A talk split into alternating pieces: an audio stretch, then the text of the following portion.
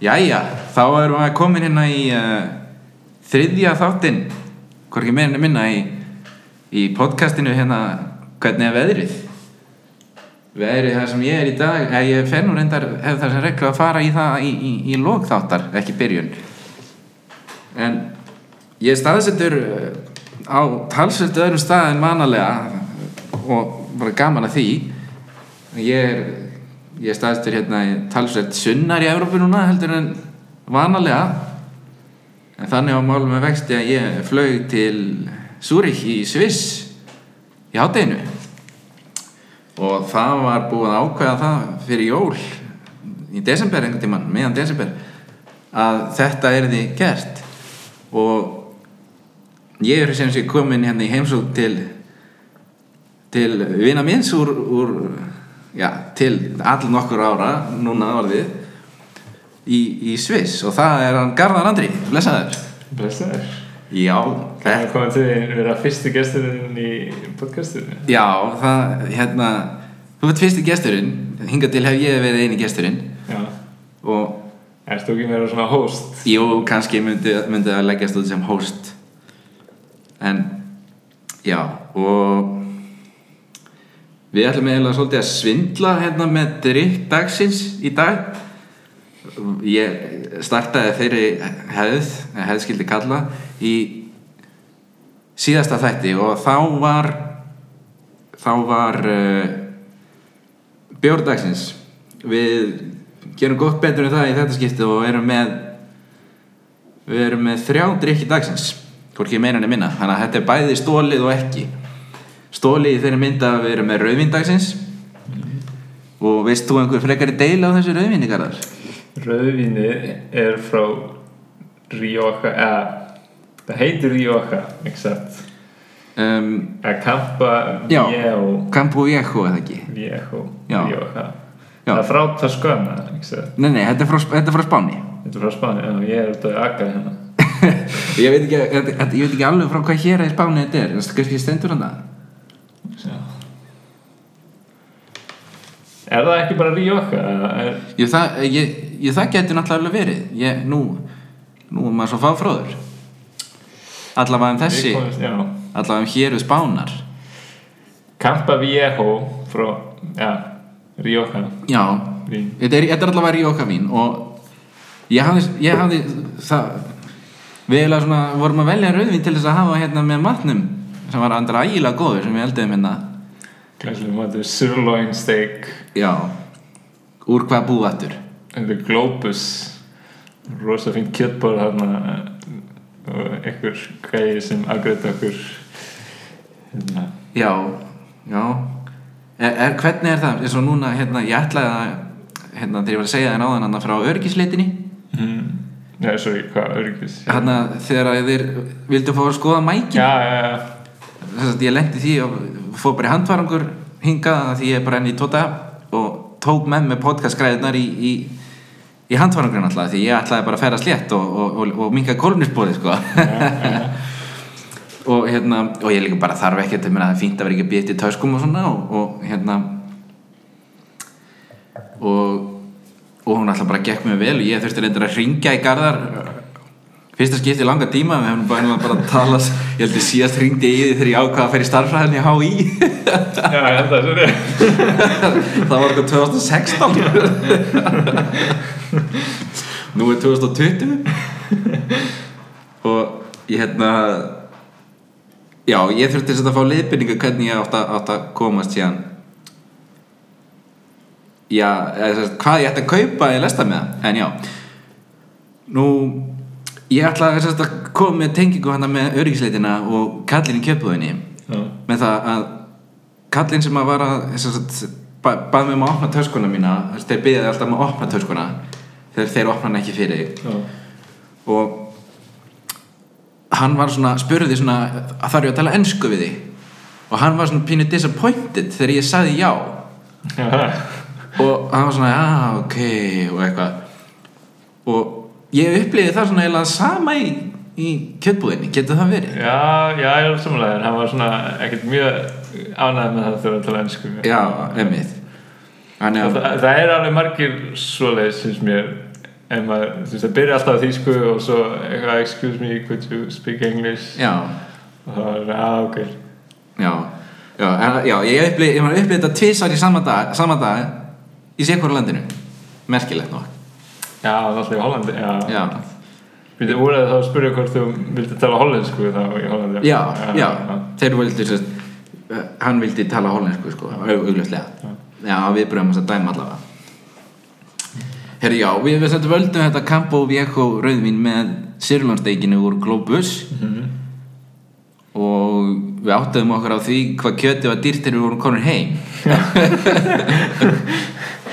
Skulum kannski ekki að vera að tala um Já, nei, það er kannski betra að vera ekkert að tala um það. En já, eins og eins og held ég að flestir að ætti að vita þá er Zurich uh, talin dýrasta borg í heimi eða ekki? Jú, ég held að að minnst kosti svona leiga og svo leysir mjög Já, já. Og eins og við vorum að tala um í dag að launin eru há en það á móti kemur allt annað en það er dýrt sko Já. Þannig að, já Nú og síðan í þessari, hvað var það, var það þegar við vorum konir, já það var þegar við vorum konir í kúp, var það ekki, þegar ég sá hérna bjórdagsnes. Já, einmitt Það er nefnilega bjór sem að, sem að er miskil. Og þú þér tókst að miskilina hérna áðan. Þetta er þess að pilsner. Og ekki bara pilsner, ölgerinn er ekki að flytja til, sko, Sviss. Í útrást með pilsnerin sinn. Það var bara einhver snillingar sem dattaði í huga að skýra þess að ofengan pilsnir frá örgeninni pilsnir en pilsnir er bara bjórstíl lagar bjórstíl Já, og frá Teklandi í ég kannu ekki að bera það fram í pilsen held ég. Já. Eða eitthvað svo leiðis já, já. já, í Teklandi og Já, er það þess að nafnið á bjórstílnum já, Pilsen, eða, sest, já, þetta er svona ekki pilsnir Já, ég held að þetta sé tengt saman út af því. Pilsner og þetta er komið frá pilsen í hérna Tjekklandi Ok, ég þekki ekki alveg söguna nógu vel en þið getið náttúrulega bara fletti upp. Og þetta er pilsner úr kvel og hann fæst í vínbúðun Íslandi held ég bara í svona dósum alveg eins og ég held á hérna. Og svo fæst hann líka í gleri mæli náttúrulega með eindrið með því að kaupa hann í gleri. Og síðast er ég vissi ekki það ég sé að auglýsa neitt bjórin og það er ekkert plögg í gangi hér. En hann er tiltölulega minnstakosti var hann tiltölulega ódýr uh, svona með við aðra bjóra og að mörgum bjórnspekingum talin mjög góður lagarbjór þessi, þessi pilsnir og ég er náttúrulega fyrir um starfmaður vínbúðar fyrir það sem ekki vita. Og ég sökti mér alveg gríðarlega þetta í sumar og, og, og, og hef verið að gera það líka í haust. Bæði, bæði með það að leita að leita hérna þekkingu í gegnum podcast og annað eins og, eins eh, kannski ekki eins og þetta en podcast eru við nú einhvað sér í. Og ég, ég ætla nú bara ég er nú henni þá hérna með í glasinu síðan áðan, ég klára það fyrst og svo fáið hérna flotta hljóðmynd á bjórin á eftir en svo var ég eitthvað eins og, eins og maður gerir þegar maður er í heimsókn hjá vinnu sínum. Þá var ég að róta í skápunniðinum og ég fann hérna hvað er þetta ekki kallað, þetta er herb liquor, liquor herb liquor. Já, þetta er eitthvað þetta er sem sagt ungverskur líkjör. Unicom svakk, hvað, veistu hvað svakk þýðir eða? Ekki hugmynd Þetta er stálheðaleg umbúð sko. Já, Þetta það er stálheðaleg- svolítið að segja frá Svissand sko, því það er hérna svissneski fánin utan á. Já, ok. En ég, ég frekar vissum þetta að segja ungvist Það stendur hérna Produced and bottled by Svakk Unicum eitthvað Hungary. Já, já, og eitthvað, þannig að þetta er svona jurta líkjör einhver, herbs eða ekki jurtir. Já, og þetta ætlum við að smakka hérna einhvern tímann einhvern tímann í þættinum en það er búið að opna rauðvín, rauðvín dagsins sko. Og við vorum engar ánæðir með þetta rauðvín með kjötinu. Og bæði í sósuna og bara í glas. Já, já, já, já, við settum þetta náttúrulega, við byggum til rauðvinsósu Já. Ég var að sína garðari hvernig ég bý til rauðvinsósu og, og hérna, það tókst bara, held ég, ágætlega hjá okkur. Mér finnst það, þetta var mjög fín sósa. Já. Og og þetta bara þetta var eiginlega bara alveg frábær matur. Og mátti hann líka alveg vera það fyrir tilkostnaðinn. Já, ég segi það. En já, ég er sem sagt hérna í Sviss að, að heimsækja Garðar. Og við hérna Garðar uh, þegar við vorum, hvað var að segja þegar við vorum í grunnskóla, segjum það. Þá leit nú ekki út fyrir það að við, við myndum kynnast. Er það nokkuð? Nei, Sjálfsagt ekki. Við vorum í mismöndi hverfum og Já, eitthvað. Já, bara talsveit mjög mismunandi hverjum sko. Já. ég í Grafói og þú í Löðalinn Já, lögadalum og síðan endum við í MR á, í sama, við erum sérst jafn gamli náttúrulega. Og við endum í MR á, á, á sama í sérst í sama árgangi en ekki saman í bekk til að byrja með. Þú varst í þriðja hvað var það ekki, B? Jú, ég í Jú, þriða B Já, já. En síðan þegar þegar niðurstöðu prófa úr, úr, úr, úr vorprófa úr, úr þriðabekk lágu fyrir það þá nei, það er ljótt að segja þetta. Ég ætla ekki að segja þetta. En þess að það, að vill þannig til að við garðar skoruðum báðir ansi vel held ég á því vorprófi og endum þar að leiðandi með fleir nei, má ekki, æ, þetta er svo ljótt. En við endum þess að saman í bekk með fullt af öðru fólki sem gekk vel líka.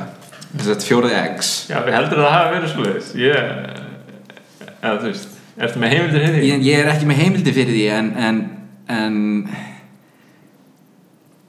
sko ég, Getur alveg keift þess að sögu, sko já, ég skal útskýra fyrir þér af hverju hérna, ég er með þessa kenningu. Já, að það er að sko það voru allir í þessum bekk sem að völdu þýsku eða ekki sem þriðja mál. Jú, jú. Jú. Ok, X-Beckur svona hefur það, þann hvað við segja þann ljóma yfir sér eða hvað við viljum að vera svona nördabekkurinn sko. Já, já. Og ég meina þannig er það, ég meina ég held að sé veist, það er Alltaf eðlisfræði 5x og 7x Já, það var náttúrulega, náttúrulega þetta gefur í auguleið og ég held að, að þetta er bara kenning og hún er mjög vilt og ég, ég, ég, ég, ég set hana hér fram af engri ábyrð Já, en, en að því að það voru, þú sér bara hverjir voru að það með okkur í bekk þetta er allt fólk sem st stóð sér frekar vel í námi svona um, í sérstaklega í starfræði og, og svoleiðis og efnafræði og, og síðan kannski eðlisfræði og, og svona og náttúrulega kannski ensku líka að einhver leiti en þó svo ég sé kannski ekki þar undir allavega á þessum tíma í lífinu mínu. Og, og má, kenningi mín er svo að þú veist, þú, eins og ég var að nefna við áðan bara hverju voru með okkur hérna og hva, hvert þeir síðan endaði á að fara og hvað síðan við vitum um í dag skilur við að þá held ég að það er bara verið að smala saman svona litlum L1 bekki svona til að grísjúr kannski. Já, vantaði svona nöfn eins og Sigur Jens. Já, reyndar, það var því að hann var í spænsku sko. Já, já, meinar. Já, ok, nú skilur kenninguna. Og, sko, og þú sér sko þú sér það hérna, hérna líka hver kennir okkur starfæðina sko. Já, já, ok. Það var, lef ég mér að segja eh, með betri ef ekki besti starfræðikennarinn á þeim tíma í MR Já, allavega fyr- fyrir áhuga saman reyndur getur við sagt. Já, og, og síðan náttúrulega hefði ég ekki endað í fjórða X og það leit reyndar út fyrir það á tímpil að ég færi í fjórða M. Mhm. af því að af því að hérna það voru aðeinar sem að vildu sem sagt að ég færi í fjórða M úr fjórða X með þeim af því þeir enduðu í fjórða X. Mhm. en svo splitt, af því að þriðbekkurinn okkar splittast upp sko í X og M held ég að megnum til. Og fjórði M var að móta okkur niður í Casa Kristi já, já, já, og þess að ákveðina ákveðina aðalega vildu sem að lendu í X-bekknum en vildu vera ennþá með þeim sem að voru í M-bekknum hérna, ég ætla ekki að fara að greina neinn nöfn neitt hér sko. En þeir vildu sem sagt fá mig með sér yfir í M-bekkin til þess að halda hann hennan ákveðina hóp þannig það er kannski frekar augljóst fyrir það sem tekja um hvern, um hvern, um hverja ræðir en þess að þriðbekkurinn sem að við vorum í hafa svona ákveðin hópur úr gráinum sem var hann að splitta þess að í tvent en þetta er svo sem ekkert þetta er ekkert viðkvæmt máli eða neitt en ég sagði nei, ég ætla að vera í X-bekknum. Ég tek ekkert annað í mál. M-bekkurinn var líka þýskabekkur sko. og og hérna myndir þú segja það myndir þú segja það að við höfum talað mikið saman í fjóraðeins Ég man það ekkert rosa vel. Sko mm, ég held ekki en ég er, er sömu skoðuna sko. ja, ábygglega eitthvað um heimandæmi í starffræði eða eitthvað svoleiðis sko. já, það getur, getur náttúrulega alveg verið sko. en ég man ekki til þess neitt svona sérstaklega sko. ekki heldur sko veist, ég man miklu meira eftir að hafa verið að tala við veist, eins og ég var satt eða alltaf við hlýðin á hjalta eða einhverjum þeim sko, einhverjum svona sem ég náttúrulega þekkti úr þriðabæknum mínum og, og svona, hann ég man alltaf eftir að tala við þeim og ég man eftir að tala við yngvar náttúrulega og við, við voru þarna, þarna voru, kynntist ég honum eða líka þarna því hann var hann komin í fjórða, ok, fjórða fjórða X líka sem er, sem er hérna. Ég myndi alltaf að segja náttúrulega þú, ég veit ekki alveg hvernig það er með þig að kannski allt öðru sig en, en þá sá vinahópur sem ég er með í dag er allur úr já, fyrir utan, þú veist þeir sem komu síðan setna í X og sjötta X sko. Já það er það á ekki við mig sko. Nei, ég, mér finnst það alveg líklegt sko, en, já, já, Já, ég meira sko svona, ég held einhvern vinahóp úr hérna, grunnskóla og svo eignaðist vinahóp í HÍ líka Já, svona, já. ég gerði, gerði minna því. Ég eignast ekki mikinn vinahóp í hái sko. ekki þannig séð. Nema ég kynntist betur bara hérna, einhvern sem þú, þú þekkir skilur betur en ég. Og hérna já, en síðan förum við í fymta, fymta X. Og þá held ég að, að þetta hafi svona eiginlega og svona endanlega smollið í sjötta X þar sem við sátum saman allt árið. við hlið. Sátum við ekki saman í var það? nei, Nei, ég man ekki hvar ég var. Ég var eiginlega alltaf hann að það voru tvær raðir. Já, það var fyrir lítið stofa. Í hann að tengibyggingunni. Já, einmitt við vorum það og ég satt alltaf í aftari röðinu og eiginlega alveg út í gluggan Ok. Já, ég minnir að ég hafi verið í fremri röðin að ekki? Það getur alveg verið, jú, jú, jú. Þú varst örgulega framalega til hægri. Ef, já, já, ef, já. ef við horfum á það sem sitjandi í stofunni sko. en en hérna þú fórst í þú gerðir það sem ég hefði átt að gera. Það var að fara bara beint í starfæðina sko. Já, eftir MR-minninu já, Já, ég, ég áttaði mig á því árið setna að ég hefði átt að gera það. Og ég ætla ekki að reyka þá sögun eitt hér en það verður kannski gert síðar. En ég sem sé þannig að 2016 þegar ég hringdi því síðast við erum fjórum árum já, þá þá áttaði ég mig á því að ég, ég hefði nú bara átt að fara í starfræðina bara og ég gerði það. Kláraði það í sumar. Rétt. Og rétt ákvörðun eða já, já ég, ég er mjög ánægð með þessa ákvörðun sko. Mm. og þegar að ég er að klára í sumar þá ert þú nú ekki það er nú aðsnætt að segja þá ert þú nú þegar þá varstu þá þegar komin hingað út og, og hérna búin að vera hérna senasta sumar það í hálft ár já, flutti senasta nóvumber nóvumber 2018 já. Og, og hérna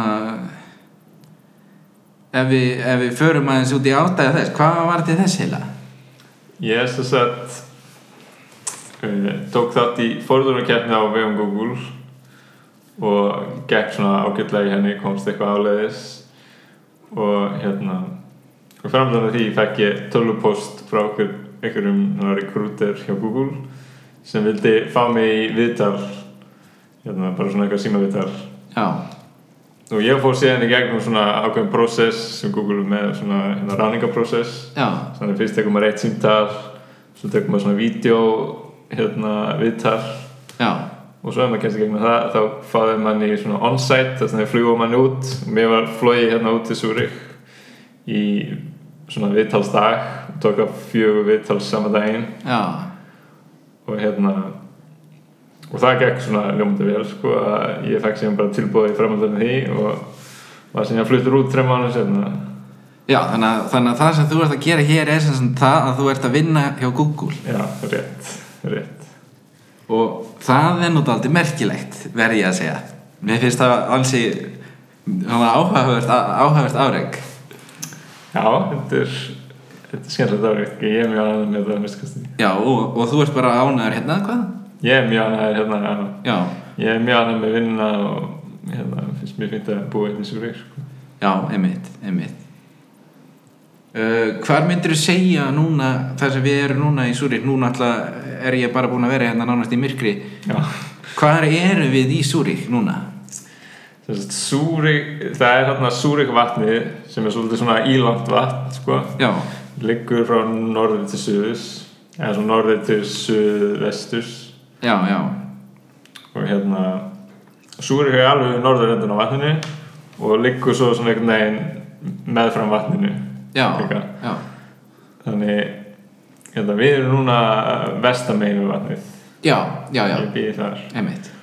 Og erum svona tíu myndur að fara hérna alveg nýra nýrsta partum af vatninu. Já, það, nýr í miðbæði já, það er það sem við vorum að labba í, hérna í, í, í búðinni og svona kettbúðinni og það. Já, það er hérna norðurpartur af vatninu. já, já, ok.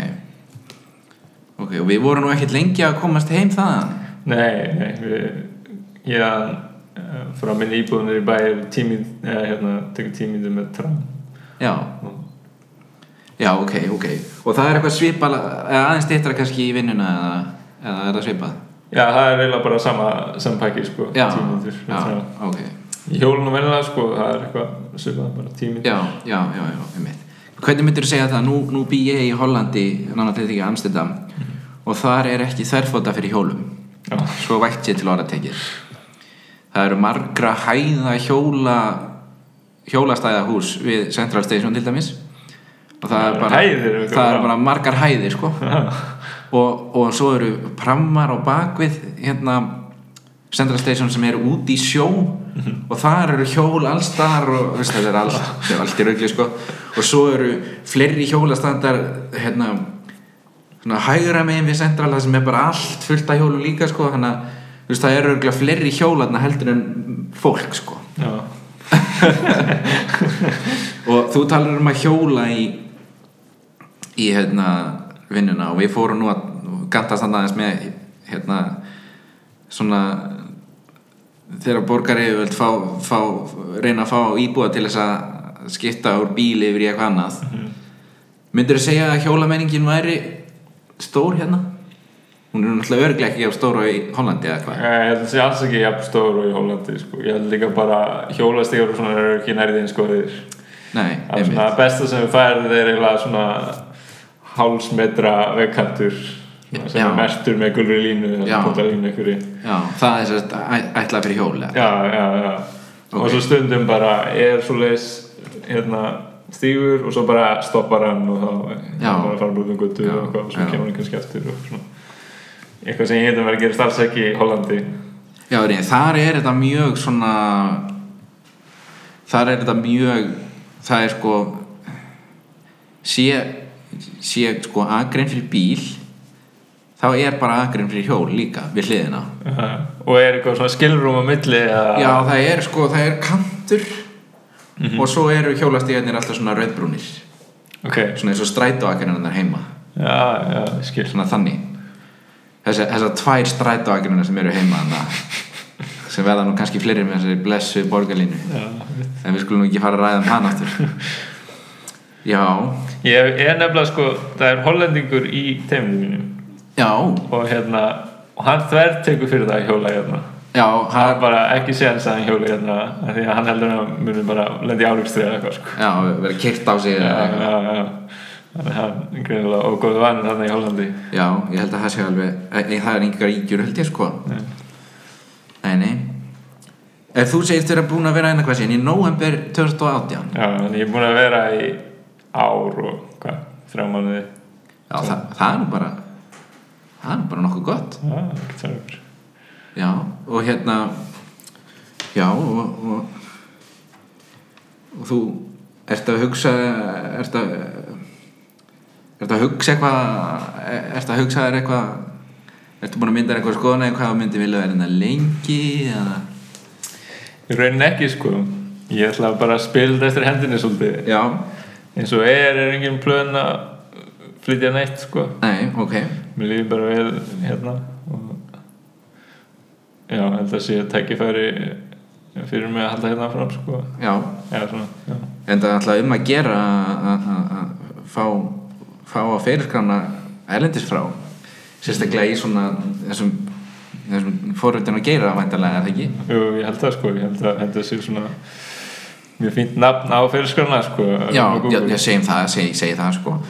En nú hefur maður heyrt að, að, að hérna, hérna, náttúrulega nú eru tölunafræði, náttúrulega þú ert náttúrulega ekki kannski, þú ert ekki tölunafræði BS mentaður en þú kannt samt öruglega meira en flestir sem að eru búinum með BS í tölunafræði ég, ég veit það nú ekki sko en ég tók hérna fullt af áfangum með tölunafræði áherslu með tölunafræði BS-nefnum og það líka Já, já, já, já, og það svo þannig Capsworldun líka eitthvað sko. Já, já, inn á milli, þá lærir maður eitthvað tölunafræði líka sko. Já, já. Fórst þú einhvern tíma svona eins og nú, nú fóru þeir strákarnir hérna úr hái hafa farið tvísvar með liðið að keppa eins og hérna bara í Hollandi. Mm -hmm. Fórst þú einhvern tíma í einhverja slíkar svona dedicated svona keppnir alveg svona, Já, ég fór hérna fyrir hönd HÍ já, fór með hérna ég, Sigurð Jens og Atli Fannar Franklín já, já. Við fórum þrý saman til hérna Bath í Breitlandi að keppa. Já, ok, hvenær var það? 2017 eða? uh, já. Já, 2017 það var hérna svona jólin 2017 eða Já, já, já, það er svo bara, já, já, ok, ok rétt fyrir jóluprófum sko. Er þetta þá svipu, svipu keppni og, og var haldin inn í Eindhoven í fyrra? já, þetta er bara sama kemnið sko. Já, hvað er þetta ekki eitthvað norð? þetta heitir N-verk Já, það er Northwestern European uh, Colgate Programming Contest eða eitthvað svona. Já, já, eitthvað okay. líka. Og þetta er sem sagt á hverju ári er haldinn kent sem þetta er ICPC eða International Programming Colgate Contest. Já, og hérna og þá eru lið allstaðar aður heiminum sem keppa á þeirri keppni sko Já. sem er að hérna, representa ykkur ykkur háskóla. En áður þú kemst í þá keppni þá eru svona fórkeppnir og N-verk er einn þeirra sko já, ok. Og þú þarfst að enda í maður ekki fyrstu þrem setunum með eitthvað líka. Já, fyrstu tveim. Til að komast síðan á alþjóðlega keppnina. Já, já, og þannig að það er N-verk sem er hérna norðaustur Európa svo norðvestur Európa nei, sorry. Það er norðvestur Európa og svo norðaustur og svo miða Európa og ég veit ekki. Já, já, já. Norðurbandaríkin hérna söðurbandaríkin og hver, hver er, hver er standa að þessari keppni ég veit ekki alveg ég held að sé bara svona ykkur stopnun sem er með þetta sko. Já, og er, er það í samstarfi við einhverja háskóla þá? já, já. Það er hérna N-verk verður á Íslandi núna. Já, þess ári. já, þess ári Já, alveg rétt. Og hérna og það er bara einhverjir íslendingar að sjá um þú veist að hún verði hérna Já, það er ekkert endilega einhverjir úr háskólanum í Reykjavík nei, háskólanum í nei, Íslands nei, eða- þetta er bara svolítið svona já, ég held að þetta sé ekki endilega sjálfbáðið starfi en þetta er svona, þú veist passion Já, Hvernig já, já. Ég skil, ok. Já, já, já. Og hverjir eru hvaða, þú veist, ef þú tekur til dæmis hérna þessi PC þannig að kefni já, hverjir eru að standa sér þar best? Það er þá vantarlega heims eins og hver ég vinna á svo leiðis Já. Hvaða ég held að sé alltaf einhver rúsneskur háskóli sem vinnur Já, ok, eru þeir bara búin að mastera það er þetta? Santi Pétursborg eða eitthvað svona sem vinnur þetta alltaf. Já, Þú veist, þeir eru bara já, bara með svona einhvern fókus á þetta sko, eru bara alltaf með geggjum liði sko, og líka með geggja mannskap burgla þú veist, já, já. Sem er til í að læra þetta. Er það þá svona svipað og, og, og hérna asíbúðarnir í stærðfæðkenninni svona, e, já, já. Eru svona bara Já, alltaf, það er alls konar fólk gott í starfrækjafnum líka, sko, það er aðsýmbúður, bandaríkjafnir líka rosa góður í, já, sko. já, já Þannig að ég held að snúast líka svolítið mikið bara um að vera ristust land, já, einmitt, einmitt, einmitt, eða svona með stórun hópa fólki til að draga einmitt. en það verðist nú ekki svo að sé talað um nú íslensku landsliðin og svona Já. það, það, svo kenning fellur eiginlega sjálf já. sjálfa sig með, með það en, en ég Það er er ekki eina sem það þarf en það kannski hjálpar já, já, það hjálpar já, já. ég, ég með datt það bara svona í huga því að, að, því að það er alltaf verið að gantast með það að það sé svo ótrúlegt að Íslandi eigi svona mörg góð íþróttalið og íþróttafólk og jæri jæri að við erum svo fá sko Ég veit, ég veit. en En við erum alltaf á móti rík, sko, þannig að það er stórt land sem er ekki, er ekki jafn ríkt og við já, já, einmitt, já það geti, það geti spilað inn í Já. en, en hérna hvernig hafa eh, eru, eru Google og, og þessi helstu fyrirtæki í, sem eru þeir að horfa á liðin í, í þessum kennum eins og þessum Norður-Európu kennum og Ég get alveg ímyndað mér að séu því, sko. já, Ég veit að, sko, ef þú ert góður í þessum keppnum, þá ertu rosa góður í, hérna, interview processnum hjá Google. ok. Að þetta eru svona þannig dæmi, sko. já, ég skil. En hvernig eh, hvernig myndur þú segja veist, um hvað snýst þetta? Er þetta er mikil starffræði bak við- á bak við þetta eða er, er þetta meira pjúra tölvunafræði eða er þetta blanda eða hvað er þetta?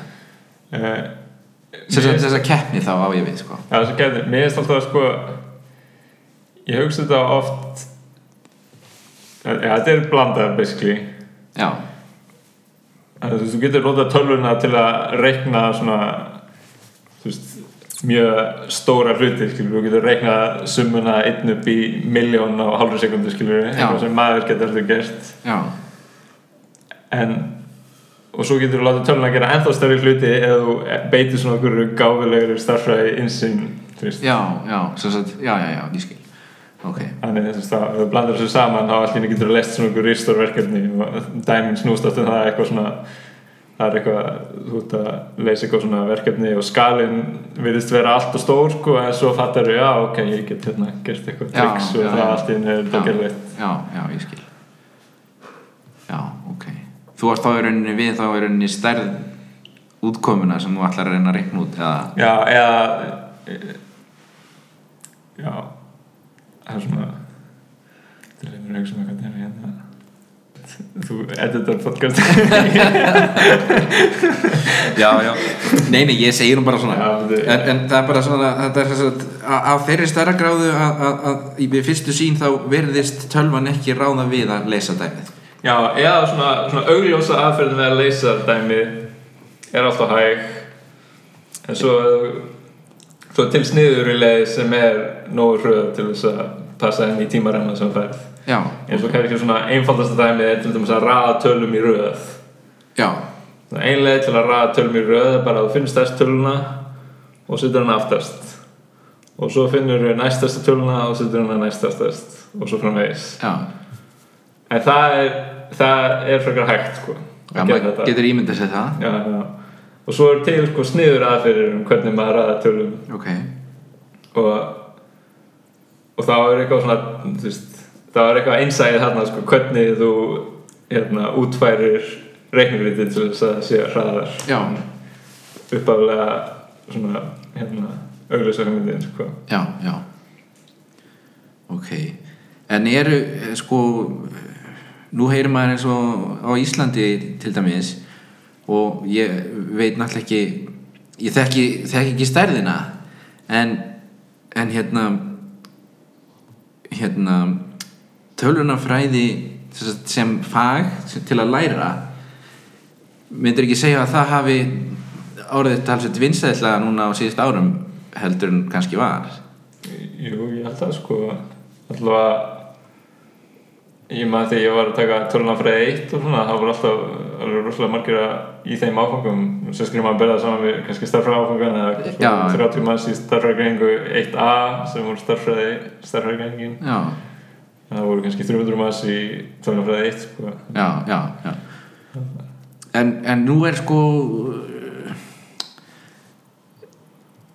ég ímynda mér sko það er alltaf verið að tala um sko nú ert þú, nú ert þú náttúrulega nú ert þú hér í þessu umhverju hérna að vinna við þetta og, og, og sem er mér náttúrulega bara mjög svona já veist það var að byggja margir sem myndu vilja vera í sömu stöðu. En ég er svona að velta fyrir mér sko svona vegna vinsælda þessa er, er þá ekki er þetta þá ekki svona svolítið svona samkefnis mikið umhverfi sko ekkert endilega bara vinnan heldur bara svona í heildina séð eins og í að komast í keppnir og og, og, og hérna er ekki svolítið mikið frambóð af fólki í þessu að menna þá eins og fólki sem vil vinna fyrir Google til dæmis? um, ekkert endilega bara, bara segjum sem svo að, að ég, ég þekki strák sem er í tölafræði í HR Mhm. og ég held að hann sé að bara nokkuð góður í því sem hann er að gera en, en hérna og þú veist, jú, hann myndi kannski ekki segja nei við starfi hjá fyrirtæki eins og Google og eitthvað svona. En er markaður fyrir all, alla þess að fara í þetta nám þú veist, Já, menn heldur að sé held ég að sé offrambóð af já, já, þetta er svona eiginlega spurningin um það sko. Ég veit það ekki, sko. Ég veit fyrir svona kannski fimm árum þá var það þannig bara að það gæti enginn fara í massnáma því að það voru allir komin við vinnu sko að þeir sótum það einu sinni. Já, einmitt. En ég held að hafi eitthvað breyst sko það er ekki alveg jafn öðvöld að fá vinnu sem fóröldari sko. Nei, einmitt. Þú veist, ég held að segja ennþá samt frekar auðvelt sko, eða þú veist, Já, ég held að segja ennþá frekar mikið fram, eða veist, frekar mikið að störfum, já, já, ok. En, þannig að, að hérna ég mér dettur þetta nú bara svona í hug til dæmis eins og, eins og, eins og fag sem að e, e, se- það sem að offrambóð á, á, á starfsfólki er er hreinlega sko staðrind, það eru lögfræði í lögfræði. Mm, og, og hérna þú veist það þarf náttúrulega ekkert það þarf ekkert endalist marga lögfræðinga sko. Ne, og, og hérna, jú, ég meina vissilega þarf einhver endur nýjum eiga sér stað og allt svoleiðis en, en hérna það hefur allavega heyrist mér allavega það hefur hægt á þessum, þessum hraða í, í hérna fjölda lausra starfa. Mhm, og getur það veist, er, heldur það mun einhvern tíman ég, ég þekki nú ekki dæ, jú, það er nú reynda dæmi um það sem ég, ég ætla nú samt ekki að taka neitt konkrétt hérna. En það er það að það fjari svo svo út hérna sko, þú veit með eitthvað fæði úavinsælt skilur við Mhm. eins og lögfræði kannski. Hún er, er alltaf frekar margir sem fari í það. Og svo já svona, já, og svo veit, veit maður ekki. Og svo, en svo hefur maður kannski heyrt dæmi um það sérstaklega kannski bara með annan nám til dæmis yðnám og svona í, í gamla daga, eða þú veist í gamla daga kannski 1960 eða 70 80 að þá hérna þá voru mjög margir sem fóru í yðnám bara af því að það voru vandaði skilur og, og það var nú að gera og, og svona og í dag þá, þá er að gera allt til þess að fá fólk til þess að fara í, í þetta nám sko. Og ég er að velta því svona fyrir mér skiluru nú eru við þetta báðir í, með sko með hérna mentun í, í starfræði mhm. sem er sem eru alltaf fáir sem fari já, þessu já, já, ég, ég er eftir að sjá það fyrir mér að það springi eitthvað svona út þessu veit. Þannig að ég er að velta fyrir mér ef, ef að eitthvað svona til dæmis þessu í ljósið sem ég var að nefna með innám og svona það er verið að gera alls konar triks í ríkistjórnin er að gera eitthvað eitthvað flugveldasýningar til þess að eða þú veist eitthvað svona sama með kennaranámi líka. Ég veit, veit ekki hvort að það var kannski eitthvað ekstra vinsælt á sínum tíma. En allavega þetta með innnámi og svona. En uh, heldur að þetta geti gerst í tölnafræði já, örgulega ég held að þetta sé bara svona rosalega nýtt svið sko. Já, þannig sé varð bara til 1990 kannski. Já, já, já, já. Svona fyrir því Þú veist, fyrsta tölvan var til 1950 eða svona Já, hún, hún var náttúrulega bara eitthvað, eitthvað drusla með við þær í dag sko. Já, já, nákvæmlega. Þannig að þetta jobb hefur til í hvað, 30-40 ár kannski. Já, og og þetta kom í ljós að það var kannski svona mikilvægt starf eða svona, Já, svona þetta græði hellinga peninga þannig að það verður svona velunni störf og þannig að fólk vildi fara í þau og, svo var einhverju söflur svona já, já, kannski er þetta bara kannski er þetta bara eh, hérna hvað var að segja, það sem gerist bara, kannski er þetta bara svo náttúrulegt maður veit ekki, að veist. Það verið. Þú veist, allt verður verður ofram báða foröldurum og svo svona einhvern veginn jafnast það út Já. það spyrst út að það er alltaf mikið af foröldurum og svona. Já, já, ég veit þannig að, já. En ég held líka samt að að foröldun og svoleiðis hérna, þekking verði mikilværi á öðrum sviðum já, setna meir Já, bara bara- þú veist Já.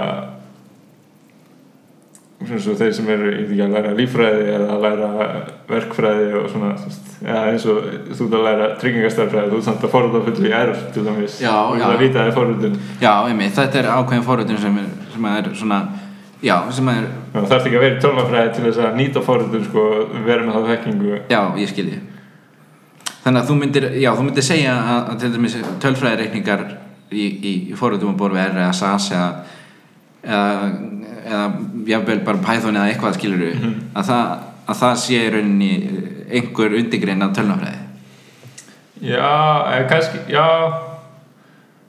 Já, kannski meira bara svona að nýta sér Já, þeim. digital Já. já, svona tölvuvæðing heimsins svona, já, svolítið. já, já, ég skil, ég skil. Já. Já, ég, já, ég mitt Svona kannski afur tölvafræði já, já, ég mitt já, það er eitthvað alveg rétt sem hún segir að, að það sem að maður til dæmis lærði í það er náttúrulega ekki á neinu, neinu sko superflóknu stígi en, en það sem að maður lærði til dæmis bara í það sem ég, ég er ekkert mentað í tölnafræði, ekki neitt nema bara tölnafræði 1 og það sem við lærðum í MS skilur við, Já, já. ég hef ekki lært neitt annað. Og veist, ég tók ekki einu sinni tölnafræði 2 sko. Og þó sem mér hafa nú verið rálætt að hérna Gullu að gera það. Hérna, gulla? Hérna, Já. já, já, hérna, hvað, námstjóri já, von, ekki- já, já, já, eitthvað svo leis hún er reyndar hætt núna. Og hérna, hún rálaði, rálaði mér að taka tölunarhæði tvö en ég gerði hann samt ekki. Mhm. uh, hérna, en ég sé það sko núna í, í uh, þegar maður er komin svona á djúpt, eða svona ekki. Jú, ég eins og maður er komin þannig að það sem ég hef verið að gera í er og það sem að við hefum verið að skoða hvað er verið að gera í er það er það er svona það er allt óalega mikið svona maður getur nýtt sér svona veist, basic hluti sem maður lærði í tölnafræði 1 Mhm. í því. Þannig að þetta er kannski rétt hjá þér. Þetta er svo að segja með að þetta sé svona arfur eða eitthvað svona að þú veist, maður, maður lærði aðferði sem að maður, hvað ég veit ég þarf að gera hérna. Tvöfaldar reyra fórleikju til að gangi gegnum eitthvað fylki til þess að Einmitt, einmitt. og svo þarf maður eitthvað triks til þess að búa til hotnalínu fylki og, og, og svo þarf maður kannski að gangi gegnum það aftur á bak og, og eitthvað sko. Og þetta er allt svona þegar maður er búin að læra þetta svona frekar einfaldar hugmyndir bara eitthvað lappi gegnum lista og Já. eitthvað svona. En þú veist, er kannski flóknu búningi svona af forlíka eitthvað og eitthvað leðis en þú veist í rauninu bara að segja tölunni já, getur vinnuna fyrir mig svona að þú kannt bara tungumáli Já. til að segja henni að ég get sagt það sko að þegar fyrsta, fyrstu kynni sem ég hafði að að tölnafræði nokkuð það var bara í sjötabækki eða mér sko. Ah, ok. Ég hafði aldrei prófað neitt sko. Nei. ég vissi ekkert ég vissi ekkert hvað ég var að gera sko. Mhm. og hérna ég hef heyrt það út undan mér ég mm, veit nú ekki alveg frá hverjum en að þú hafa nú verið að ansi málkunnugur svona forritun á þeim tíma þegar ég var bara rétt að kynast henni. Já, ég setja upp ekki að mér, já, sko ég byrjaði að forrita rétt fyrir fermingu þá þegar ég var sannlega 12 ára og þá var ég að forrita með vini mínum, sko, við vorum svolítið að reyna að smíða töluleiki, sko. Forrita sem heitir Flash. Ok, ok ég heyrt um það. ég veit, og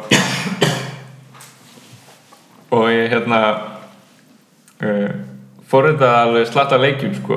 Já, sem er á netinu núna. Ég með þess að koma einum á leikjanet. Þannig að það er ennþá leikur eftir mig á hvaða, leikjanet. hvaða leikur er það? það er bara gestur. Hann heitir Invade Earth. Ok, og er bara svona, þú veist eitthvað svona gameskip þú veist semst gamevera í gameskipi sko. Og þú ert að ráðast á jörðina. Já, ok. Og það koma svona allar sögulegu flottu flugvélarnar sko, fyrst koma svona hérna, kemur rauð flugvél sem er svona tveim vengjum Já, já. Svo kemur hérna einhver ristór hérna, sprengiflugvél frá kaldstríðinu og svo kemur einhver orðstu þotta svona nýleg, svo Já. kemur Spitfire eitthvað. Já, hérna. það er sko mest spilaði leikur sem ég bjóð til og sett hann undir, það er Invade Earth. Já, ok. Og aðastæðan okkur mest spilaði er að því hann er leikur og hann hefur verið spilaði 20.000 sinnum. Já, ok. Það er nefnilega þannig, sko En leikjanett, er það ekki svona svolítið fyrirbæri sem er svolítið löngu orðið úreld? ég held það sko ég, Hvaða ár er þetta? Þetta er kannski 2007, 8 9 já, svona 2008-2009 já. Já, En ég var samt alveg að búið til leikið svona alveg frá þetta 2010 sko Já. á þessu tímabili Já. gáð, gáð fólks þetta já, og læriði þú veist fórhundun á því sko að búa til þessu töluleiki já En hvernig, hvernig fóruð það að því að verða ykkur út um það sem þið þurftið að læra? Þessast upplýsingar hvernig þið ættið að gera hlutina? Þetta var rosa mikið bara Google sko. Já, það, er, það, það, það virkaði alveg þá. Já, já, þetta var mjög mikið bara svona Google eitthvað hvernig býð til svona töluleik og svo var bara eitthvað með útskýringu af því og ég er svona einhvern veginn reynd að skilja hvað var í gangi. Og ofta skildi ég voða lítið hvað var í gangi sko, það var bara eitthvað copy-pasta sko. Og svo svona mjög hægt og rólega þá fór maður svona að fatta hva, hvernig if-leikjur virku hvernig for-leikjur virku og svona Ok. Ok um, en það var mjög svona já, fjallabækleða því að vera fyrir Já, já, það hljómar þannig. En nú dettur mér í huga því ég var að tala um hérna á master sem að ég lærði í tölunafræði 1 og hann í MR Alltaf tölunafræði 1 er bara uppröðin af því sem lærði í MR basically. Já, já. Allavega fyrir okkur á þeim tíma. Mhm. um, Helduru að ok, segjum það eru 300 manns í tölunafræði 1 Mhm. sem er skilda áfangi mjög víða. Allir í verkfræði, starffræðinni hænandi starffræði, eða ekki. Mhm, ég það er líka eitthvað sem heitir tölunafræði 1a samt. já, það er, er ekki MATLAB eitthvað eða? já, ég held sem Python núna. Já, Python núna. En eins og verkvæðinni og margir held ég að fara í það frekar en sko Já, tölunafræði 1 ok, ok. En ég veit allir með þessu vélaverkfræðingarnir þeir reyndar þegar þú segir þetta þá man ég það að maður mátti velja. Já, er það ekki, það er eitthvað svo leiðis maður mátti velja eitt eða eitt að ég man að ég mátti það. Já, ég er alltaf valdi bara eitt. Já, því ég var eitthvað hrættið við eitt að því ég vissi ekki hvað var. En ég, ok, það sem ég ætla að, spyrja um í, í framhaldinu væri er sko ok, það eru svona margir í tölnumfræði 1 og ábygglega sko, svipa margir í hérna, tilsvarandi áfanga í HR sem að hlýtur að vera til staðar. Ég þekki það ekki en það gef með það. Um, myndir segja að ef að fólk er áhuga samt um, í þeim áfanga bara alveg frá upphætt til enda. Mhm. og er með er með hérna hefur virkilega áhuga í bara öllu sem það er farið í. Og það er kannski bara að sjá það í fyrsta skipti. Og því gengur kannski bara alveg þokkalega. Sumum kannski gengur ekki tórslega vel og, og eins og mér hann í MR fyrst en ég náði að þrauka í gegnum þetta og þetta gekk svo bara þokkalega vel. Og svo, svo hérna þegar komið var í tölunfræði 1 hjá mér þá var þetta bara þægilegt sko. En ég, þannig ég ætla að reyna að segja ef, ef, ef, ef, ef einhver væri svona í vama um að hvort hann ætti að vera forundari eða sem töl, færi í tölunfræði og færi til dæmis í tölunfræði segjum það, væri kannski í verkfræði eða eitthvað eða starffræði eða eitthvað. Og færi tölunfræði eitt og hérna, þetta er bara geggjað. Myndur þú segja að hann fái myndur þú segja að það sé, þetta sé bara toppurinn á ísækanum eða er þetta færðu nógu mikla einsinn í þetta til þess að kannski átta á því hvort að þetta gæti verið eitthvað fyrir þig. Sérst, það sem kemi í kjölfarið er það eitthvað svona er, mynd, myndi heldur að það myndi hafa sömu áhrif á viðkomandi. Já, góð spurning. Ég, myndi segja að tölunafræði 1 var mjög mikið sko að læra bara svona alveg grunnhugtökin á að þú lærir fó- þú að lærir if-leikjur þú lærir hvað svona hvernig þú þýðir forrit hvernig þú keirir forrit á tölunafræðinni já, og, og það sem kemur í framhaldinu þú veist, eins og tölunafræði 2 og svoleiðis er fræðilegra sko, er meiri töluna fræði svona, sem fræðigrein sko. Já, já, og er svona aðeins öðru sem ég segja en samt ennþá þú ert alveg að forrita og svo veist sko þannig að ef þú fílaði tölunafræði 1 þá get ég alveg, myndi alveg halda að tölunafræði 2 líka sko og fílaði þetta sem, sem, sem, já, já, já. ok, ok, ég, ég hérna, ég hafði bara svona, ég ætla ekki að segja, mér fannst þarfræðgreining eitt skemmtilegri, sko, Mhm. eitt að hjá Róberti. Já, og þess vegna fór ég í þarfræði, skilur Já. en ég þurfti bara að taka tölunafræði eða tölunafræði 1A eða þess að 1 eða 1A og ég náttúrulega valdi hann eitt. Og en mér fannst þetta ekkert leinilegt en ég samt, sko hugsaði ég ætla ekkert í tölunafræði 2, sko. Uh, ég, ég byggði það ekkert á neinu, sko, ég var ekkert búinn að tala við einhvern held ég minni minnst þá sem að tók áfangan sko sem var á eftir tvö. Mhm. þannig að en núna alltaf veit ég ekkert sko það er alltaf að segja ef og hefði sko. Að ég hérna en ég allavega hérna eins og, eins og fleiri bara við, við þekkjum, þekkjum hérna menn sem að sem að hafa verið akkurat í starfræði og gert það eiginlega alveg eins og þú að tekið svona tekið svona tölunafræði mjög mikið með sem, sem þá í valeiningar. Mhm. og ég ætla að móti að fara alltaf að leið ég ætla nú ekki að, ég er nú kannski ég hefði átt að íhuga það eins betur af því ég var svolítið út um allan allan völlin sko. En hérna þannig að já, þannig að þú heldur að að hérna tölunafræði eitt sé svona ágæntist tjekk að ef þú hataði tölunafræði eitt þá ætla að auðvitað Já, það sannlega finnst þér ekki gaman í þessum er eftir því þú myndi alltaf þurfa að forrita eitthvað og þú það ekki þá bara, já, sannlega fílar ekki tölunum já, já, ok. Ok, þetta er þetta er ansi áhugavert sko. En sko nú veit ég ekki, nú er þú engin spámaður Nei, en mér langar að, að hérna spyrja þig bara, veist það, það er ekki nema 13 ár síðan að veist fyrstu snjálfsímannum voru að koma á markaðinn er 13 er ekki steytra síðan já, hvað telur þú? iPhone, er það fyrstu snjátt síðan? Já, veist, ég hugsaði um það en Ok, ég, er það ekki 2007? eða? jú, Já, já það er 13 Það er 13 Já, ár.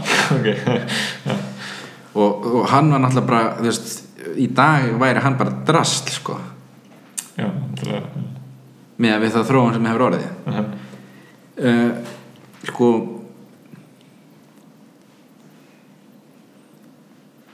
í, í, í svona sögulegu samingi þá þá erum við kannski bara nógu gamlir til þess að vera að velta, fyrir, velta þessu fyrir okkur.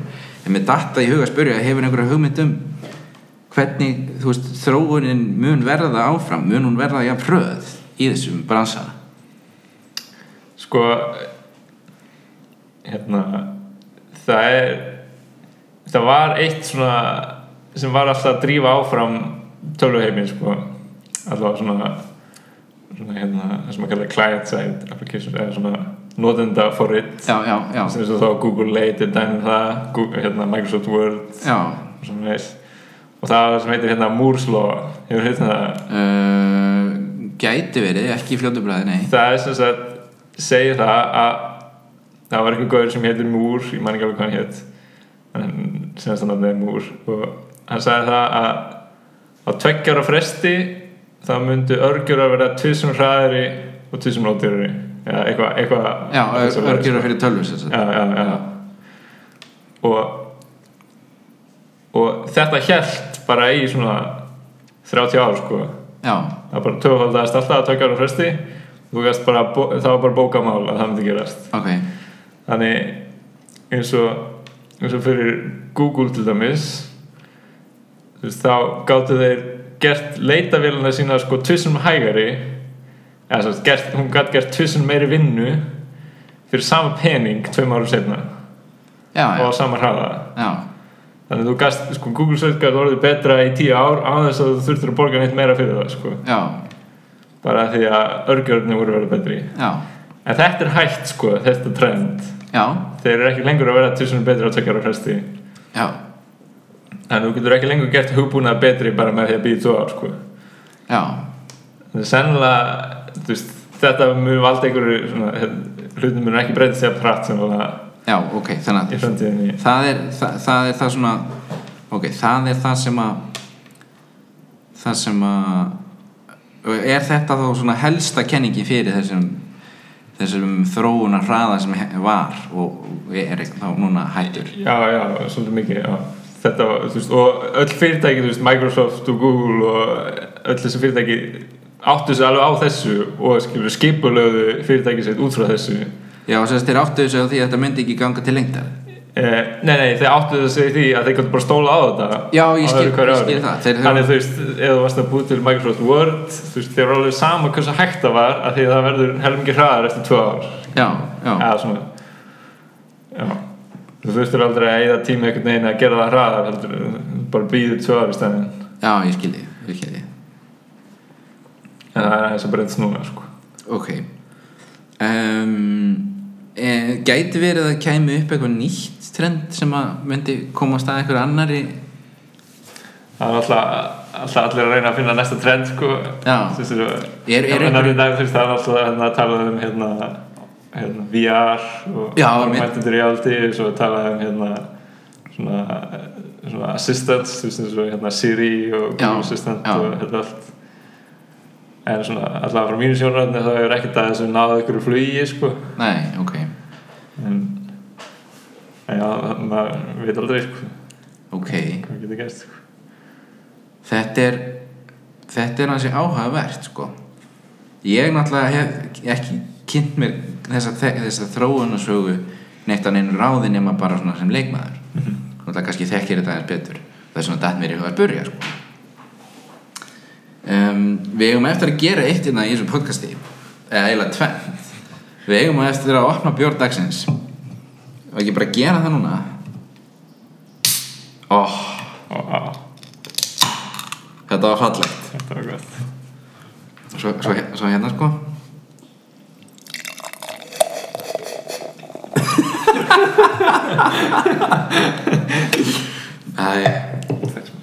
Já, já, Garðar er að fá smak- smakka hérna pilsner úr kvel sem að held að væri áfengisleis á. Kemur lega svo 4,5% Já, Nei, 4.4, þetta er bara svo Viking Light. Ja. sem er bara miklu betri bjór. Heyrðu, ég veit um að taka hérna Kaching. Vá. Já. Sko um, Mér kannski dettur í hug bara aðeins að skjóta inn í hérna með bjórin að þessi bjór, hann er mjög svona biskur ég held að það sé rétt orðið. Fyrir sko svona eins og við hefum miðum við hérna light bjór svona eins og, vera, var rétt að enda við að segja þá er hann, þú veist, hann er, hann er bara bræðlust við hérna þessum. Já. uh, þú sagði við mig áðan að þú værir ekkit neitt mikill bjórmaður. Nei, ég er ekki, nei, ekkert allavega Mér finnst þeir allir bræðast svolítið bara eins og bjór. Já, ég skilji en það er nefnilega svo merkilegt með þennan bjór að hann er með svona svolítið sérstætt bragð. Ég, ég get alveg verið sammála en hann er aðeins sig en það er bjór sem ég smaka já, Svona aðeins, beiskari svona. Já. En þetta er ekki neitt sko við erum ekki farnir í neina, neina svona svona einhverja humla einhverja, einhverja humla leikvimæðingar held ég. Ég held ekki, ég þekki það þó ekki en, en ekki, ekki að því ráði sem að þekkist í eins og Indian Pale Ale og svoleiðsbjórar sko. En já. Þetta er bara príðilegur annar bjór dagsins eða heila kvöldsins núna hún er orðin hálf eitt klukkan sko. Og Þetta er ekki sami dagur lengur. Þetta er ekki sami dagur, þannig að þetta er eiginlega bjór gærdagsins. Já, það er fyrsti bjór dagsins já, já, hann má segja það, já, ef þú ferði út í það, sko. Heyrðu, þetta er í huga því ég leiti þetta undan gluggan. Já. Það er grenjandi rigning. Ef við ætlum að labba yfir í búðina núna, sko, þá værum við hundvotir. Sérðu þetta?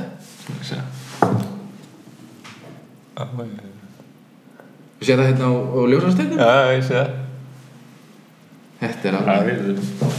við búið að vera rigning allan dag eða ekki? Jú.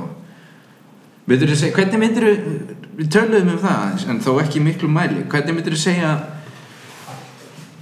hérna í Súri hvernig myndir þú segja að veðrið sé svona oftast? Oftast sko já, ég myndi að hérna rigningun í dag það var bara svona logn rigning og kannski svona fjóra gráður, fimm gráður. Já, það var nefnilega, það var ekki hlýra sko. nei, það var ekki hlýra það var alveg tíu eða meira upp í Amsterdam sko. já, ok, svona hlýtt það er það er búið að vera, já, svona fimm gráður. Sko, seinustu tvær vikur er búið að vera svona fimm gráður logn og svona þokkalega heiðskýrt. Ok, og engin rigning. Engin rigning Nei, þetta ok er svona nýjast rigningin. Já, það er ekki búið að rigna í svona tíma. Já, ok. Þetta, þetta fór að rigna þegar ég kom og svo, þú veist þannig að veturinn er búið að vera svolítið svo leið sko bara, eitthvað 5 gráður Þannig að það hefur ekkert snjóa hérna nýtt. Ekki á lálendi allavega Nei. og seinustu jól sko eða seinustu vetur hérna þá veist, snjóaði kannski tvo daga og það fór strax daginn eftir sko. Já, ok þannig að snjóaði ekkert að ráði í súri sko. Nei Ekki, ekki nefn, Já. svo eru sko vorin og haustin eru mjög fín svona 20 gráður kannski. Ok. Og hérna, það rignir ekkert svo mikið sko, svona einstaklega og eins og í svona oktober þá voru ennþá 20 gráður hérna. Já, það er þannig. Já, það var bara geggjað sko. Já, ok, ég held að það hefur ekki verið svoleiðis í Amsterdam, sko. Ég hefði ábyggla munað eftir því ef það hefði verið, sko. Og svo er sko júni og júli eru smá óbærilegir sko. Eru, já, óbærilegir. Já, allavega eins og júli senasti þú veist það var alltaf bara yfir 30 sko, 35 Já, að hæst fór það í 38 kannski. Og svona það sem er óbærilegt við það sko er að það er engin loftkæling í eins og íbúðinu minni sko. Það er loftkæling í reyndan en það er ekki loftkæling í íbúðinu minni. Já, þannig að þú veist ég kem heim og sest bara við hliðin á hérna viftuna og ger ekki neitt já, já. Alltaf heitt Það var nefnilega alveg eins í byrjun hjá mér, það var 33 gráður sem er, sem er náttúrulega frekar heitt. Já, heitt. 38 er bara brjálæði. Já, og það er ekki loftkæling í herbygginu já mér, það, mér finnst það rosalegt sko eða þú veist Já, kannski já, já, kannski voru bara, þú veist kannski voru hérna, bygginga veist, sá háttur sem að menn bygg, á, byggðu hús á hérna, þess að örglega þegar þetta ás var byggt ég ekki hummiðum hvernig það var en þá var örglega ekkert orðið svona heitt hérna á sömurinn Nei, já, maður spyrir sig að, já, en ef þú fer til Ítalíu eða Spánar eða eitthvað, þar er allir með loftkælingar sko. já, mjög, langt flestir held ég, held ég sko. Ég allavega, allavega fyrir hótel og svoleið sko. Já, já, hótel, já, þeir eru náttúrulega Gæti líka verið að húsin sé að öðru sér byggðið svona Já. Já, það er líka, það er líka, það er nefnilega alveg til í dæminu sko. Já, ég það oft sko, það var heitar inn í íbúðinu minni heldur en úti var einhvern veginn að því að ég var með lokað eitthvað og varst ekki dreigð fyrir eitthvað svona Já, og svo varð, varð ekkert kallt á næturna það var alltaf bara svona 28 gráður á næturna já, það er alltaf rosalegt. Já, þannig að það var ekkert hægt að kæfa nokk tíma sko ok. það var kannski næstu partin Já, mér datt líka í hug sko annað. mm. Af því að ég sé líka blikkandi ljósinn hann úti. Já, Gulu umferðarljósin já. Þannig að ég sagði, nei, býtu, ég leit út úr gluggan og sagði, heyrðu, göttuljósin eru byluð.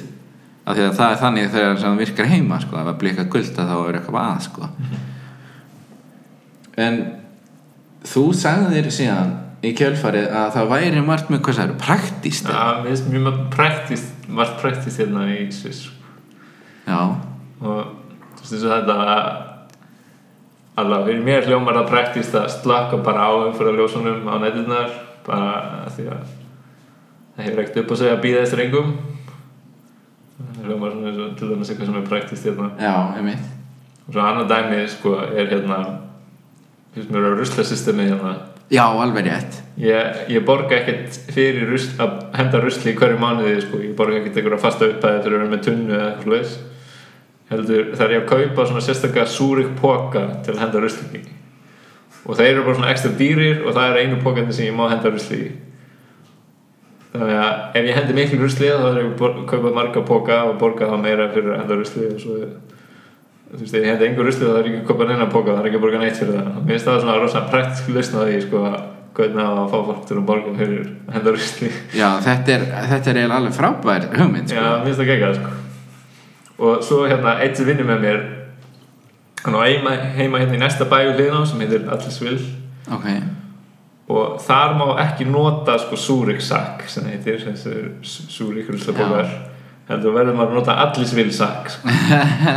en hann átti heima henni í súrik og fluttu svo að til Allisvill og var með eitthvað súriksak eftir og hendi bara ruslinu sín súriksak eitthvað ekkert mál. Og og ruslamenni sáu þetta heyrðu, súriksak það er ekki leiði sko, það var allir svilsak hérna.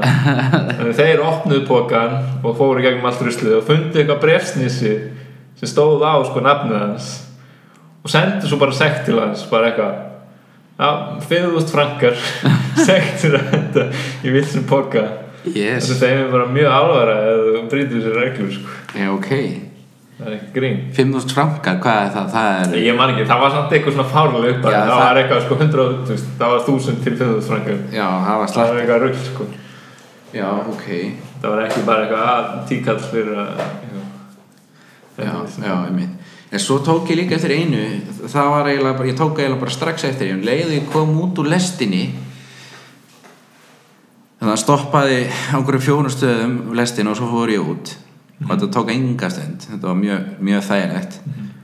Og uh, kostaði bara svipa mikið og í Amsterdam. Kostaði bara, var ódýrara ef eitthvað er sko fyrir, sko nú náttúrulega er ég að miða við ef ég væri ferðamaður sko sem ég er ekki í Amsterdam.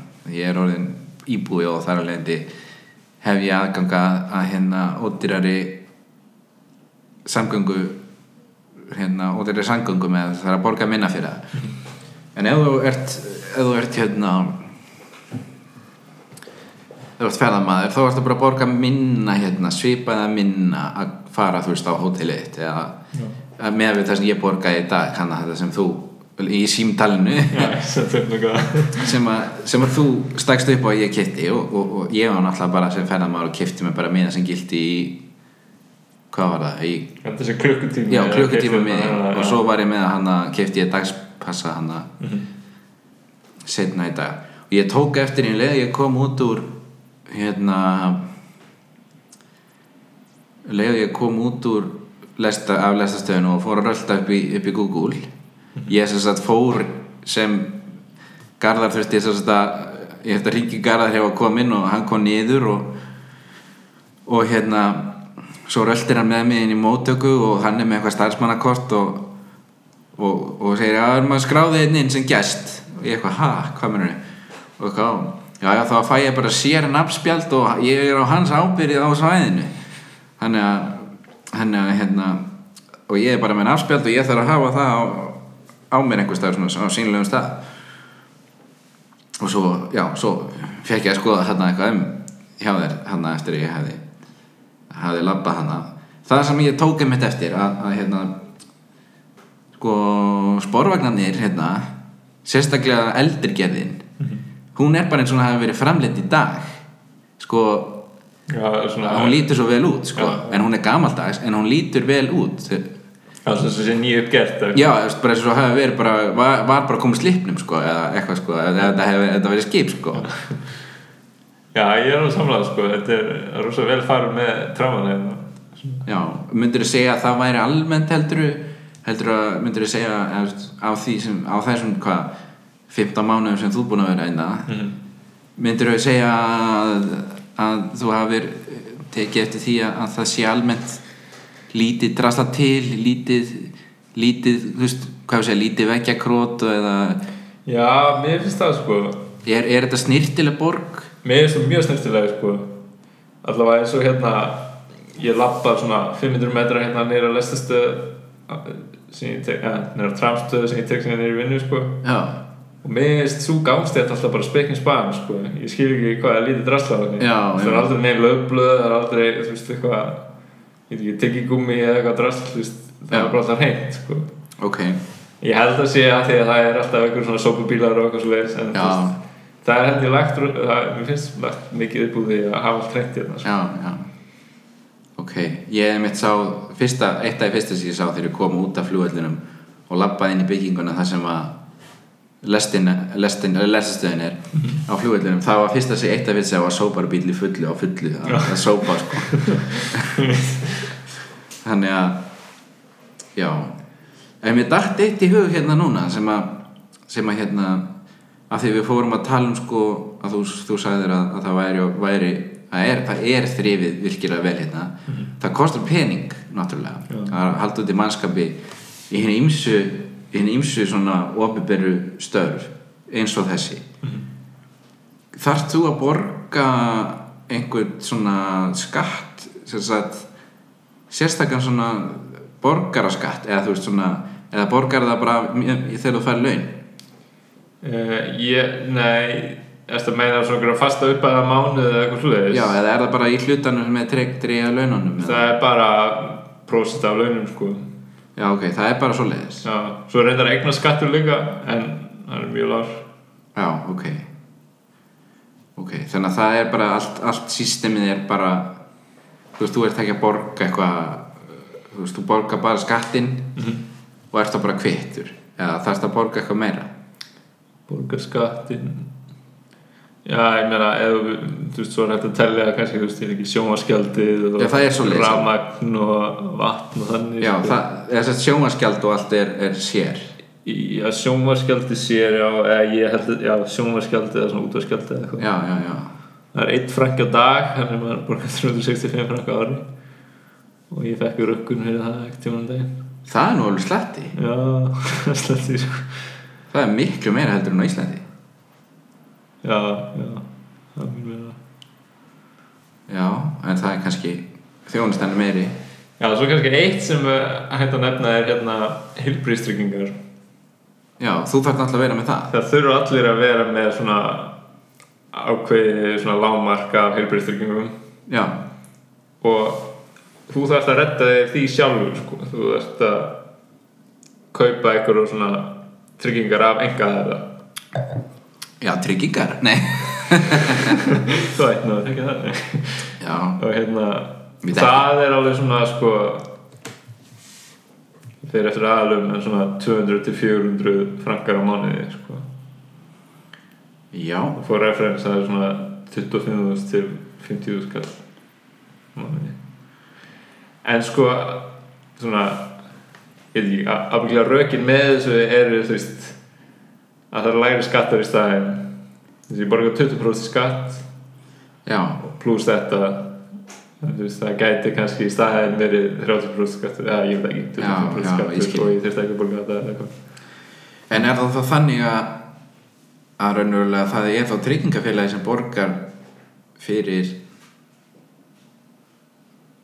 þá heilbríðsjón sem þú gæti þurft að nýta? Já, já. Það er náttúrulega aðeins flókna eins og ég borga eitthvað lágmark sko og svo byrja þeir að borga. En ég þarf samt að að borga 10% nema það fyrir fyrir á upphæði sko. Já, þannig að þetta er svona smá flókið sko já, system. ok, ok. Já, já. Já, veistu erum, veistu hvað eru margir sem búa hérna? Í Súrik sjálfri er held ég 380.000 manns eða eitthvað slags já, það er svipað á Ísland bara já, bara allt Ísland komið saman hérna við endan á, vatninu. Svo held ég að telur svona nærlegjandi svæði af fólki sem vinnur í Súrik þá held ég að það er komin upp í miljón sko. já, já, það er alveg svoleiðis. Ég held að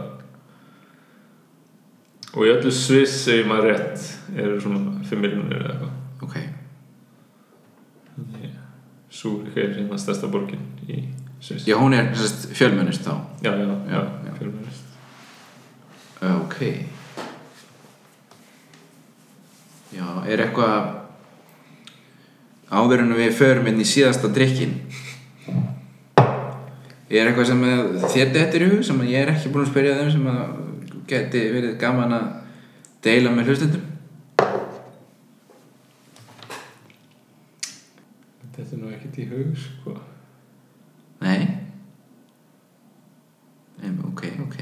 En þetta er ég heldur sem ekki búin að fara þokkalega vel yfir yfir málin hérna í, í, í svissinu Já, við erum bara búin að ræða allt ég. Nei. Já, vestfyrst. Já, ok Þá ætla ég allavega að fá mér hérna í hansi skemmtilegu litlu glasi þá ætla ég að fá mér hérna þetta hennan hérna líkjör ég ætla hann ekki að fá mér mikið bara einn, tvo dropa sko ég held að hver er samt búinn að drekka þetta? Hver heldur? það er bara einn maður sem var í þessu íbúð, sko. þetta er svona þetta er bara úff, úff, úff setur þetta út í kaffi eða nei þetta er nú bara lítil flaska hún er hvað, 20 cent, nei 100 millilitrar já, já já, en sa- samt skrítið þessi þessi kross Já, já. Þetta er eiginlega alveg eins og krossin í svinska fánan. Þetta er bara ringla aðeins það kassalagur, sko. já, og svo gilt, Rammin. Já, giltur, já. hvað er þetta eiginlega mörg prósent eiginlega 40, að það er alltaf sama já, sér ég er ekki með mikið nei ég hérna ég er nú bara manna mig upp í þetta hérna sko Ok. Já, þetta er svona ringla grænni flösku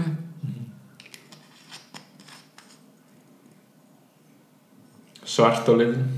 já, er svona mjög, mjög brúnt, dökk brúnt Þetta er bara það vildi að geti finn, finnið lyktina hérna Smell-o-vision.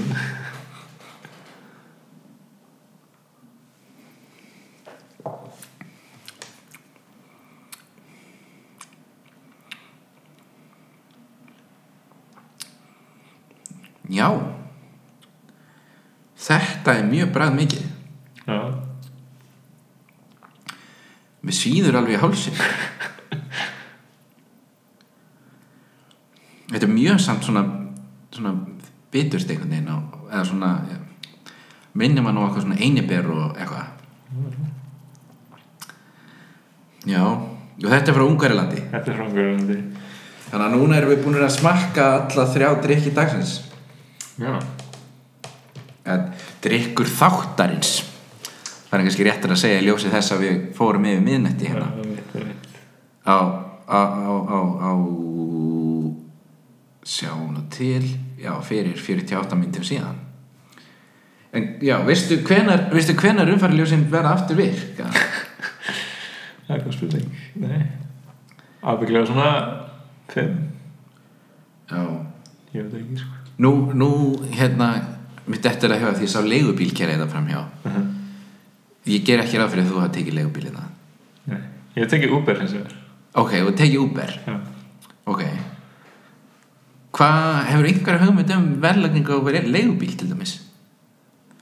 Það eru dýrir, er þeir ekki dýri, ég myndi halda það. Já, ég held að að það séu eitthvað svona 100 frakkar sko, eins og flugullur nýr í bæ. Já, það er bara svo leiðis það sko. Það er ekkert annað. Ég er ekkert að grínast. Ok. En náttúrulega fyrir að vera svona snirtileg borg og allt þetta sem við erum búin að tala um þá er náttúrulega sko kosturinn, eða hvað við segja kosturinn eða kannski ekki kostur en það er það er mjög skemmtileg staðrind að það er ógeðslega mikið af flottum bílum hérna. Og ef okkur svona ruggli sko. Eða það ekki, Jú, jú, jú Fer bara hérna á flottstu guttinu í bænum Banofstrassi Lappar hann um helgar þá sem á flottum bílum sko. Já, sæll. Þetta er alveg legt Ég, ég verð nú að segja það ég, eins og ég sagði við þig í, í dag ég hef ekki, ég hef séð einn Lamborghini í Amstendam og það var Lamborghini Urur sem er Lamborghini Jeppin Já, ég sé hann hérna líka þetta Já, það kemur mér ekki ávart sko. Er það ekki svona bara get basic jeppi svona? Jú. Ja, það betur jeppi, er þetta ekki svona Þetta er svona, þú veist, svona jepplingur eins og kallað er svona, já, já. svona hár, fjörglutrifin eitthvað. Já, þetta er svona svo hérna BMF jepparnir Já, þetta er eitthvað svona ættið það sko. Kannski heldur minni heldur en stóru, stóru jepparnir en, en Já, þetta er svona Já, þetta er svona Það er minna. Mhm. og já.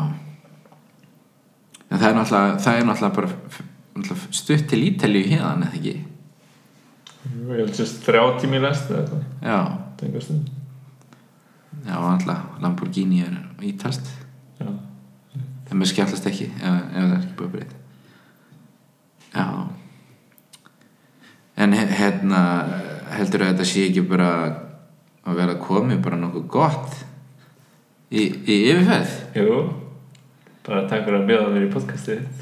Já, það var heldur betur gaman að fá fyrsta gest sem svona sem svona já, sem er að gera svona áhugaverða hluti sko. Já, bara takk fyrir að hafa hérna Þetta er líka fyrsta podcasti sem ég hef verið í nokkur tíma sko.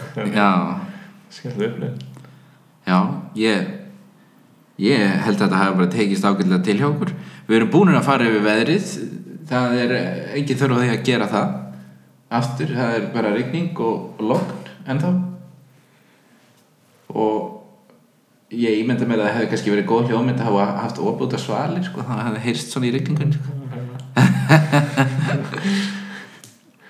Já Þannig að ég, nú er hvað það er það er bara föstudagskvöld tæknilega sé og ég gaf út þáttu minn í á þessum sólarhing nei, sólarhingum sem leið. Sem sagt, þáttu minn koma undan þessum. Þannig að ég hef sett í persónulegt met í að taka upp eh, í hraða á því að taka upp þáttum. Þannig að ég þarf ekki að hafa ágjörð því í vikunni að taka upp þáttum um eitthvað, ég veit ekki hvað. Ég sagði það nú í, í þættinu sem að ég tók upp og, og gaf út sérst á undan þessum að ég hef ekki hugmynd um hvað ég ætlaði að tala um næst sko en ég veit alveg núna þegar við erum búin að taka upp þáttin eiginlega þannig að það var að búin þannig að ég reyndar hérna fyrir þá sem ég, hérna setti ég setti introlag í þátt með tvö.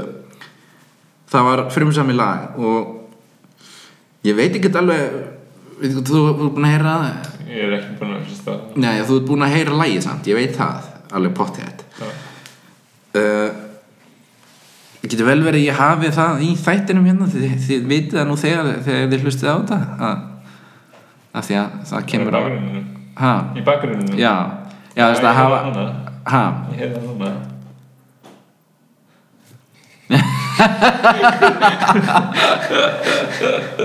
Þetta var bara svona ljóskumoment sem mér. Nei, sko, því ég heyrði sko ég heyr, mér fannst ég heyri einhverja tónlist sko í bakgrunninum áðan svo væri einhver að spila eitthvað hérna á- á- frammi eða eitthvað. En en það var held ég ekki sko. Ég held að við uh, hérna segjum þetta bara gott. Já. og ég þakkaði bara fyrir að vilja vera gestur hjá mér, fyrsti gesturinn. Já, og ég hérna byrð bara að helsa þangað til í næsta þætti sem að enginn veit um hvað verður en það er, það kemur bara í ljós. Kemur allt í ljós. En ég þakka þá bara kælega fyrir í bylji